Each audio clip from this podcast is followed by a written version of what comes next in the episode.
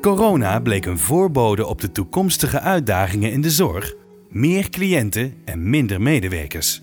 Er is een versnelling en vernieuwing geweest op vier thema's: zeggenschap van cliënten, zeggenschap van medewerkers, samenwerken in netwerken en vernieuwend organiseren. In deze podcast gaat Sandra Dame, adviseur bij Vilans, in gesprek met Roel de Bruin over zeggenschap van cliënten. Roel de Bruin is bestuurder van ons tweede thuis. Daarvoor is hij bestuurder geweest in de forensische jeugdzorg. Hij heeft naast gehandicaptenzorg een grote passie voor het sociaal domein, waarbij preventie en burgerkracht wat hem betreft belangrijke thema's zijn bij het voorkomen van specialistische zorg in de toekomst. Goedemorgen Roel, fijn dat je bij ons uh, hier uh, in Utrecht bent. Dankjewel. Vandaag ga ik met jou in gesprek over uh, zeggenschap van uh, cliënten en vooral in relatie wat je hebt geleerd in de coronatijd en wat we nodig hebben voor de toekomstbestendige zorg. Ja, graag. Kan je wat vertellen over uh, jullie organisatie, Ons Tweede Thuis? Ja, Ons Tweede Thuis is een organisatie voor mensen met een verstandelijke beperking en voor mensen met niet aangeboren hersenletsel in Amsterdam en Amstland, Meerlanden en Haarlem. In 2020 spraken wij elkaar uh, al een keer eerder over corona en geleerde lessen rondom uh, leiderschap en strategie. En toen noemde jij ook nadrukkelijk zeggenschap en medezeggenschap van cliënten. Wat is er voor jou het verschil tussen medezeggenschap van cliënten en zeggenschap van cliënten? Ja, beide zijn in ieder geval heel erg belangrijk. zeggenschap, dat gaat toch meer over het inrichten van je eigen leven als cliënt. En medezeggenschap gaat over meepraten over besluiten in de organisatie. Ze raken het elkaar natuurlijk wel, maar dat is toch collectiever. En zeggenschap gaat echt over het individu. In het begin van de coronatijd hebben we natuurlijk vooral. Uh, zaten we met onze handen in het haar en zijn we eventjes teruggevallen. De hele zorg in een soort, uh, nou ja, commandostructuur wil ik niet zeggen, maar wel een beetje in een crisisstructuur. En het werd wel heel erg top-down. Uh, tot we denk ik al wel, vond ik in de coronatijd relatief gezien, als je dat twee jaar neemt, vrij snel wakker geworden zijn van god, we moeten bij onszelf blijven. en, uh, en, we zijn hier een organisatie met mensen die hier wonen. En niet die we eventjes uh, een, een, een, paar dagen verplegen. Dus het, het, gaat om hun leven. Dus, dus we zullen echt met hun moeten gaan overleggen over sluiting van dagbesteding, over, over testen nou ja, over quarantainemaatregelen, over bubbels. Uh, en toen hebben we eigenlijk die omslag gemaakt van het meer ja, top-down uh, mededelen naar overleg. We hebben eigenlijk drie overleg-klankbordgroepen gemaakt. Eén met medewerkers, één met cliënten en één met ouders en familie. Om eigenlijk ook de voortgang, maar ook alle ingrijpende maatregelen constant te toetsen bij hun uh, hoe zou dit vallen voor jullie? En daar hebben we enorm veel van geleerd. Want wij hebben een paar keer natuurlijk wel gedacht van... goh, nou hebben we iets ontzettend goeds uitgevonden. Bijvoorbeeld het, uh, het sluiten van de dagbesteding. Doe je het sluiten van de dagbesteding? Wij dachten, dat is handig. Daar gaan alle mensen die in de woningen zitten... die gaan niet meer naar de dagbesteding. Maar eigenlijk zeiden de extramurale mensen... kan je niet de mensen die extra, dus die thuis wonen en bij ons dagbesteding hebben, kan je die niet toch blijven laten gaan. En de mensen die in de woningen zitten van ons tweede thuis, die laat je thuis. Ja, dat was een hele andere invalshoek om het op te lossen. En een veel betere, waardoor het leven in die gezinnen thuis gewoon door kon gaan en ontlast werd. Uh, en in die woningen van ons tweede thuis heb je natuurlijk toch je personeel. En dat personeel, wat je een beetje over had in die dagbesteding, kon je weer wat meer spreiden. Nou, dat, dat, dat waren gewoon enorm goede aanvullingen. Als je dan even luistert en begrijpt hoe groot de druk wordt op zo'n gezin als je zo'n ingrijpende maatregel neemt. Ja, dus daar heeft hij in gesprek met cliënten en naasten echt geholpen uh, naar betere zorg en ondersteuning die beter past bij de cliënt en bij de familie. Ja, zeker. En uh, om, omdat, uh, omdat we weer teruggeschakeld zijn als het ware naar laat ze het zelf vertellen wat er voor, hè, wat voor hun. Want zij snappen ook dat je maatregelen moet nemen. Iedereen snapt dat. Dus er is, er is natuurlijk niemand die tegen je denkt. Hè? Dus je zit allemaal met z'n allen mee te denken. En dat waren we eventjes kwijtgeraakt toen we dachten dat we het allemaal zelf moesten oplossen. Hoe heb jij met die klankbordgroepen, hoe heb jij dat nu doorgezet? Ik denk dat het systeem dat we daar mee doorgaan. Die klankbordgroepen die houden natuurlijk op te bestaan. Anders krijg je daar een soort uh, schaduwkabinetten. En dat wil je ook niet, want iedereen wil natuurlijk wel eens in zo'n klankbordgroep zitten. Uh, maar als je kijkt naar de grote stappen die wij in ons tweede thuis zetten, dan doen we dat in het vervolg van corona veel meer en nog in veel grotere getalen met zowel medewerkers als cliënten als uh, familieleden. Kan je ons meenemen in hoe jullie dat georganiseerd hebben bij ons tweede thuis? Kijk, we hebben de medezeggenschap natuurlijk eigenlijk gewoon goed georganiseerd. Maar de zeggenschap zit toch vooral in het serieus nemen en het met elkaar praten over het dat je in staat bent om te beoordelen wat die ander echt wil. Eh, en, uh, en of je daar als organisatie en als professional bereid bent om de grenzen te verleggen in jezelf. Ten opzichte van die wensen van die ander. En niet de organisatie, ja, protocollen, regels, afspraken een barrière laten zijn voor de wensen van die cliënt. Dat is volgens mij uh, hoe, hoe je zeggenschap moet organiseren. En, en dat gesprek zijn we in ons tweede. En dat gaat niet altijd makkelijk. Maar dat gesprek zijn we in ons tweede thuis, denk ik, wel heel intensief aan het voeren met elkaar. En hoe doe je dat gesprek dan? Um, kijk, iedereen is het hier natuurlijk mee eens. Dus wat, met wat ik zeg. Dus uh, als ik uh, op het podium sta en ik zeg: jongens, uh, zeggenschap vinden we toch allemaal belangrijk. En inleven in de cliënt en inleven in ouders. En, en je daarin kunnen verplaatsen, zegt iedereen ja. Maar als het puntje bij paaltje komt en het wordt spannend, dan vallen we toch heel vaak terug op de oude reflex van ja, maar de organisatie vindt het toch wel belangrijk dat deze regels gehanteerd blijven. En dan vinden we het moeilijk om die regels te verleggen. Dus het gaat erom, denk ik, dat je als het spannend wordt, er met elkaar om de tafel durft te gaan. En dat je ervoor zorgt dat je dan niet terugvalt, nou om het maar even zo te zeggen, in je oude gedrag. En dat is, dat is echt verrekte moeilijk. Dus voor mij, uh, en waar we in ons tweede thuis ook over praten, is de term gelijkwaardigheid. Die komt dan wel als eerste om de hoek kijken. En als je die gelijkwaardigheid hebt, dan ben jij als begeleider en een professional dus niet meer dan iemand anders. En kan je ook niet meer regels en protocollen en die dingen stellen. Je kan wel je eigen professionaliteit inbrengen. Maar die professionaliteit, uh, die is geen wet van mede en persen boven de wil van de cliënt. Ik denk dat het ook leuk is om een concreet voorbeeld ervan te horen. Hoe dat dan in de praktijk gaat. We hadden een cliënt, ze is er niet meer helaas, maar die had één hele grote wens. Dat, en die had ze al jaren. En dat was fietsen van de woning naar de dagbesteding. En ze moest altijd met het busje. Uh, en dat busje, dat gaf haar het gevoel: ik uh, hoor bij een cliëntorganisatie en dat wil ik eigenlijk niet. En ik wil zelfstandig kunnen fietsen. De angst van de begeleiders was: uh, ze komt nooit aan. En die was ook gegrond, want ja, ze kon eigenlijk niet bepalen waar is nou het eindpunt. Dus als ze ging fietsen, fietsen gewoon door. Uh, tot ze gewoon niet meer kan, zeg maar. Tot er dus een aantal begeleiders zijn geweest die zeggen: Dit is zo belangrijk voor deze vrouw. Dit is, geeft zoveel extra waarde aan haar leven. Wij gaan alles op alles zetten om die route in haar hoofd te printen. En die, net zo vaak met haar te fietsen. Nou, dat is dus heel vaak gebeurd. Tot ze het zelf kan. En uh, dat heeft die vrouw echt zoveel eigenwaarde en, en, ja, en meerwaarde geven. dan kan je zeggen, het is een klein ding. Maar in, in dat leven is dat van, ja, van ongelooflijk belang. En het is ook belangrijk voor het team dat je ziet dat je iemand daarmee gelukkig aan het maken bent. Geeft ook werkplezier, naast dat het voor de cliënt echt Natuurlijk. fijner is. Uh, ja. Zeker. Ja, ja. Hoe, hoe merk je dat? Nou, het is natuurlijk gewoon, uh, kijk, die gehandicaptenzorg, dat is, uh, ja, klinkt ook een beetje, maar dat is een moeilijk vak. En als je als team uitvindt wat de gebruiksaanwijzing van een cliënt is, en dat je aansluit bij dat wat die cliënt wil, ja, dan zit je s'avonds op de bank thuis en heb je natuurlijk een enorme kick. Dat zie je gewoon en dan voel je dat je meters gemaakt hebt met elkaar. En als je, laten we zeggen, begrenst, dan dat geeft natuurlijk geen energie. Dus als je werkplezier wil hebben, moet je uitvinden met elkaar hoe het moet in het leven van die cliënt. Wat hebben die cliënt en die medewerker eigenlijk hier op te leren om op deze manier naar zorg en ondersteuning uh, te gaan?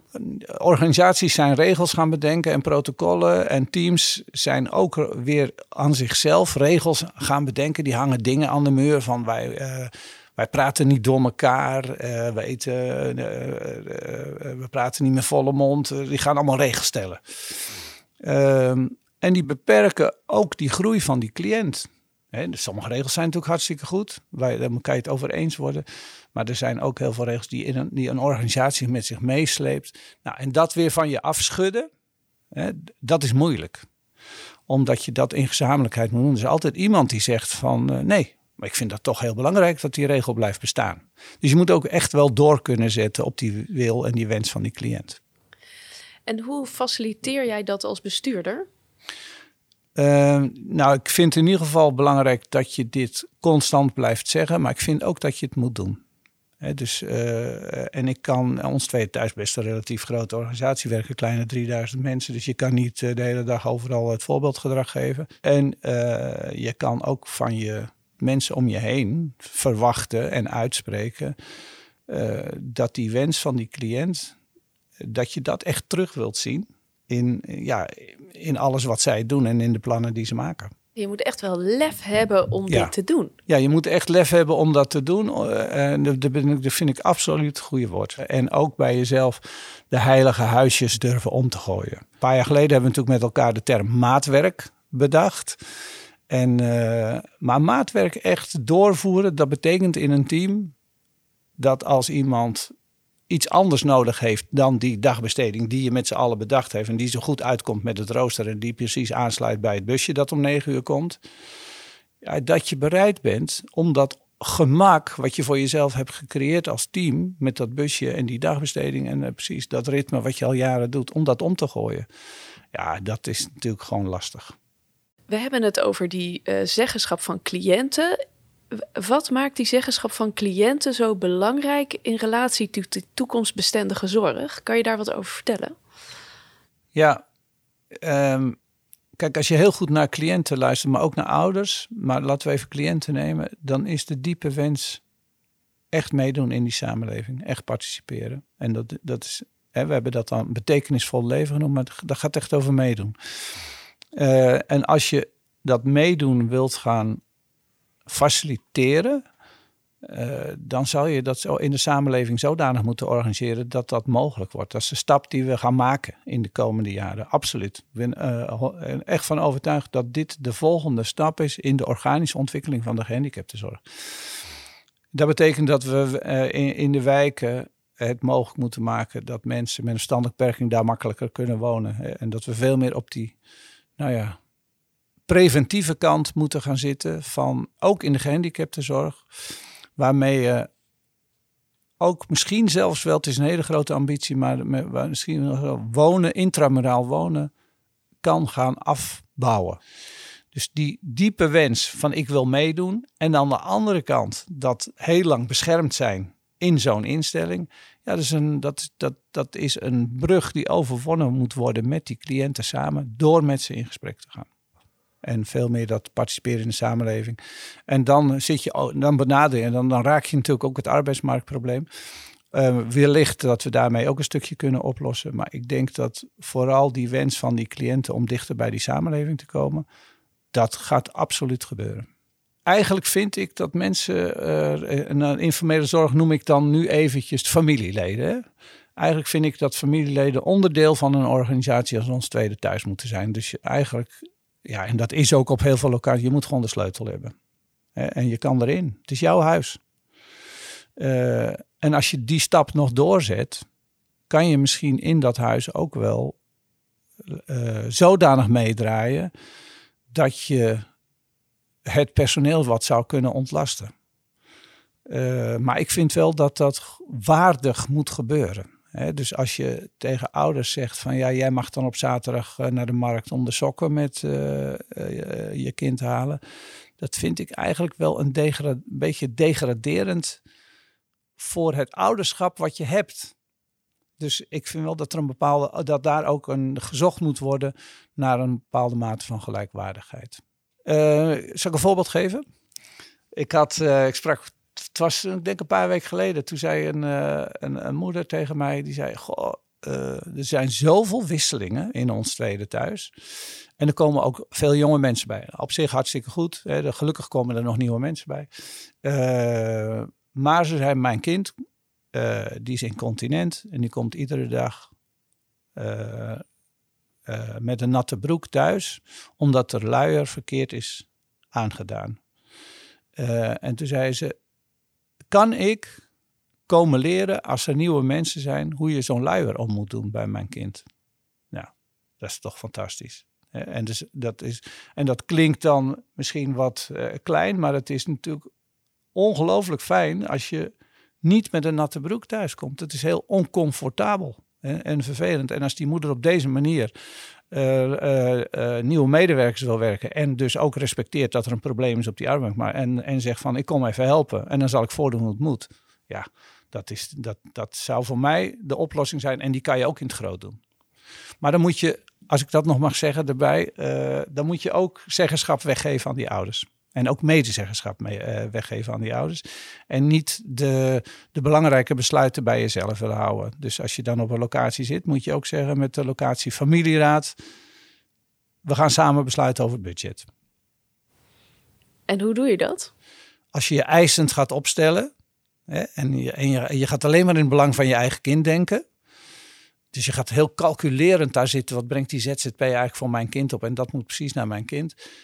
Dan dan ben je daarin niet goed bezig. Je moet met z'n allen zo'n locatie of zo'n groep uh, uh, zien te draaien. En daarbij zijn de inkomsten van de ZZP van jouw kind een onderdeel. Uh, dus het is geven en nemen. En als je dat doet, dan kan je denk ik heel goed als locatiemanager, ja, veel beter dan als persoonlijk begeleider, om de tafel met ouders om te bepalen van ga je op groepsvakantie of zet je een extra begeleider in. Het is voor je allen een leerproces, voor de organisatie, voor de medewerkers, voor het management, maar ook echt voor de cliënt en de naaste zelf ook. Zeker. Ik denk met name voor de ouders. Ik ga toevallig vanavond best nog een uh, ingewikkeld gesprek aan met wat uh, ouders over zo'n punt, over de behandeling. Hè, de inspraak op de behandeling van je kind bij ons tweede thuis. Uh, ja, dat vraagt van ouders ook begrip voor de situatie waar een organisatie zich in, in begeeft. Kijk, niet voor tekortkomingen en het niet nakomen, het is voor mij allemaal duidelijk. Hè? Dat, eh, dat mag niet gebeuren. Maar de overmacht waarin een organisatie of een team in terecht kan komen, daar moet je natuurlijk ook wel begrip voor hebben met elkaar. Toekomstbestendige zorg kan niet zonder zeggenschap van eh, cliënten, hoor ik jou zeggen. En ook niet zonder het veranderen van de, het aanpassen van de professionaliteit van de begeleiders. Door het nou ja, wat we vroeger deden, het begrenzen, het zeggen van nee, het kan niet, om te zetten naar ik blijf net zo lang met u praten tot we het eens zijn en elkaar begrijpen. En soms ook als professional te zeggen, het lukt me nu niet, dus ik doe het niet. We gaan uh, even luisteren naar een uh, fragment wat uh, mijn collega Marloes Berklaar, ook adviseur bij Filans, heeft ingesproken. En mijn vraag is of jij daarop zou willen reageren. In gesprek met bestuurders over zeggenschap van cliënten was discussie over hoe je de frisse kijk houdt. Een bestuurder zei daarover: Je moet het actief blijven aanjagen. Het gaat niet vanzelf. En als je meegaat in het systeem, dan verdwijnt dat. Eigenlijk moet de medezeggenschap elke drie jaar wisselen, want anders word je maatjes. En dat is eigenlijk niet goed. Je moet de afstand en het eigen perspectief weer aanwakkeren. Hoe kijk jij hiernaar? En hebben jullie ook iets ingericht om die frisse kijk te waarborgen? Ik denk dat, uh, dat, dat wisselen goed is, maar ik vind het wel een beetje. Uh, ik zou ook wel willen waken voor het nadoen van de medezeggenschap zoals die voor medewerkers is ingericht. Uh, en ik vind het woord maatje, uh, als ik, hè, wij hebben het in ons gesprek gehad over gelijkwaardigheid, eigenlijk wel een heel fijn woord. Als ik kijk naar hoe ik omga met de cliëntenraad van ons tweede thuis, dat zijn er twaalf dat heeft een heel hoog gehalte van, ja, het woord gezellig is misschien verkeerd, maar ook wel van elkaar kennen en van maatjes. Juist omdat het ook een bepaalde van, waarde van maten heeft, hoor ik dingen en durven ze dingen aan mij te vertellen en, en, en, dingen die beter moeten. Uh, en zou wisselingen voor mij, ja, ik snap wel wat er gezegd wordt, want je hebt die frisheid nodig. Maar ik vind in een organisatie waar mensen hun hele leven wonen, hun hele leven wonen, uh, mag je van mij ook net zo lang eigenlijk in een cliëntenraad zitten als je wil. De voorzitter van, mijn centrale, van onze centrale familieraad doet het al 30 jaar. En wat maakt het belangrijk dat hij dat al 30 jaar doet? Ik zei laatst tegen hem van goh, al die wisselingen in ons tweede thuis, ik word er, hè, die zijn veel groter geworden door, de, door die arbeidsmarkt. Er komen per jaar bijna 400 nieuwe mensen ons tweede thuis binnen. Dus dat is natuurlijk heel veel. Toen zei hij, Arul, mijn kind zit al 30 jaar bij ons tweede thuis. We hebben al 30 jaar te maken met wisselende managers. En dat is ons leven. Wij gaan wel eens s'avonds op de bank zitten en dan zuchten we weer een nieuwe manager. Ja, dat heeft impact op mij. Dan denk ik, ja, dat zijn we dus aan het doen in het leven van iemand anders. Ja, het is soms niet anders, het is ook overmacht. Maar het is zo'n belangrijke boodschap wat hij zegt. Ik wil bekende gezichten. Ik wil gewoon vastigheid voor mijn kind. Mijn kind woont daar. Die gaat niet meer weg. We hebben gesproken over uh, zeggenschap van uh, cliënten. En uh, ook wat je in corona hebt geleerd en wat je meeneemt voor de toekomstbestendige zorg. Welke tips heb jij voor andere bestuurders als zij hiermee aan de gang gaan? Het is voor mij een, een ethisch begrip. En dat heb ik denk ik in deze podcast wel een paar keer uitgelegd. En niet een methodiek. Je, je moet vinden dat je, dat je gelijkwaardig bent en verplaats je in de wens van die ander. Die moet zijn leven realiseren en, en waarmaken. En dat wil die ook. En laat je innerlijke drang om de boel te regelen, laat dat los. We hadden een, uh, een cliënt, een meisje in een locatie van ons tweede thuis. We dachten altijd dat ze een hele ernstige verstandelijke beperking had. Maar ze kan niet praten en zit behoorlijk opgesloten in haarzelf.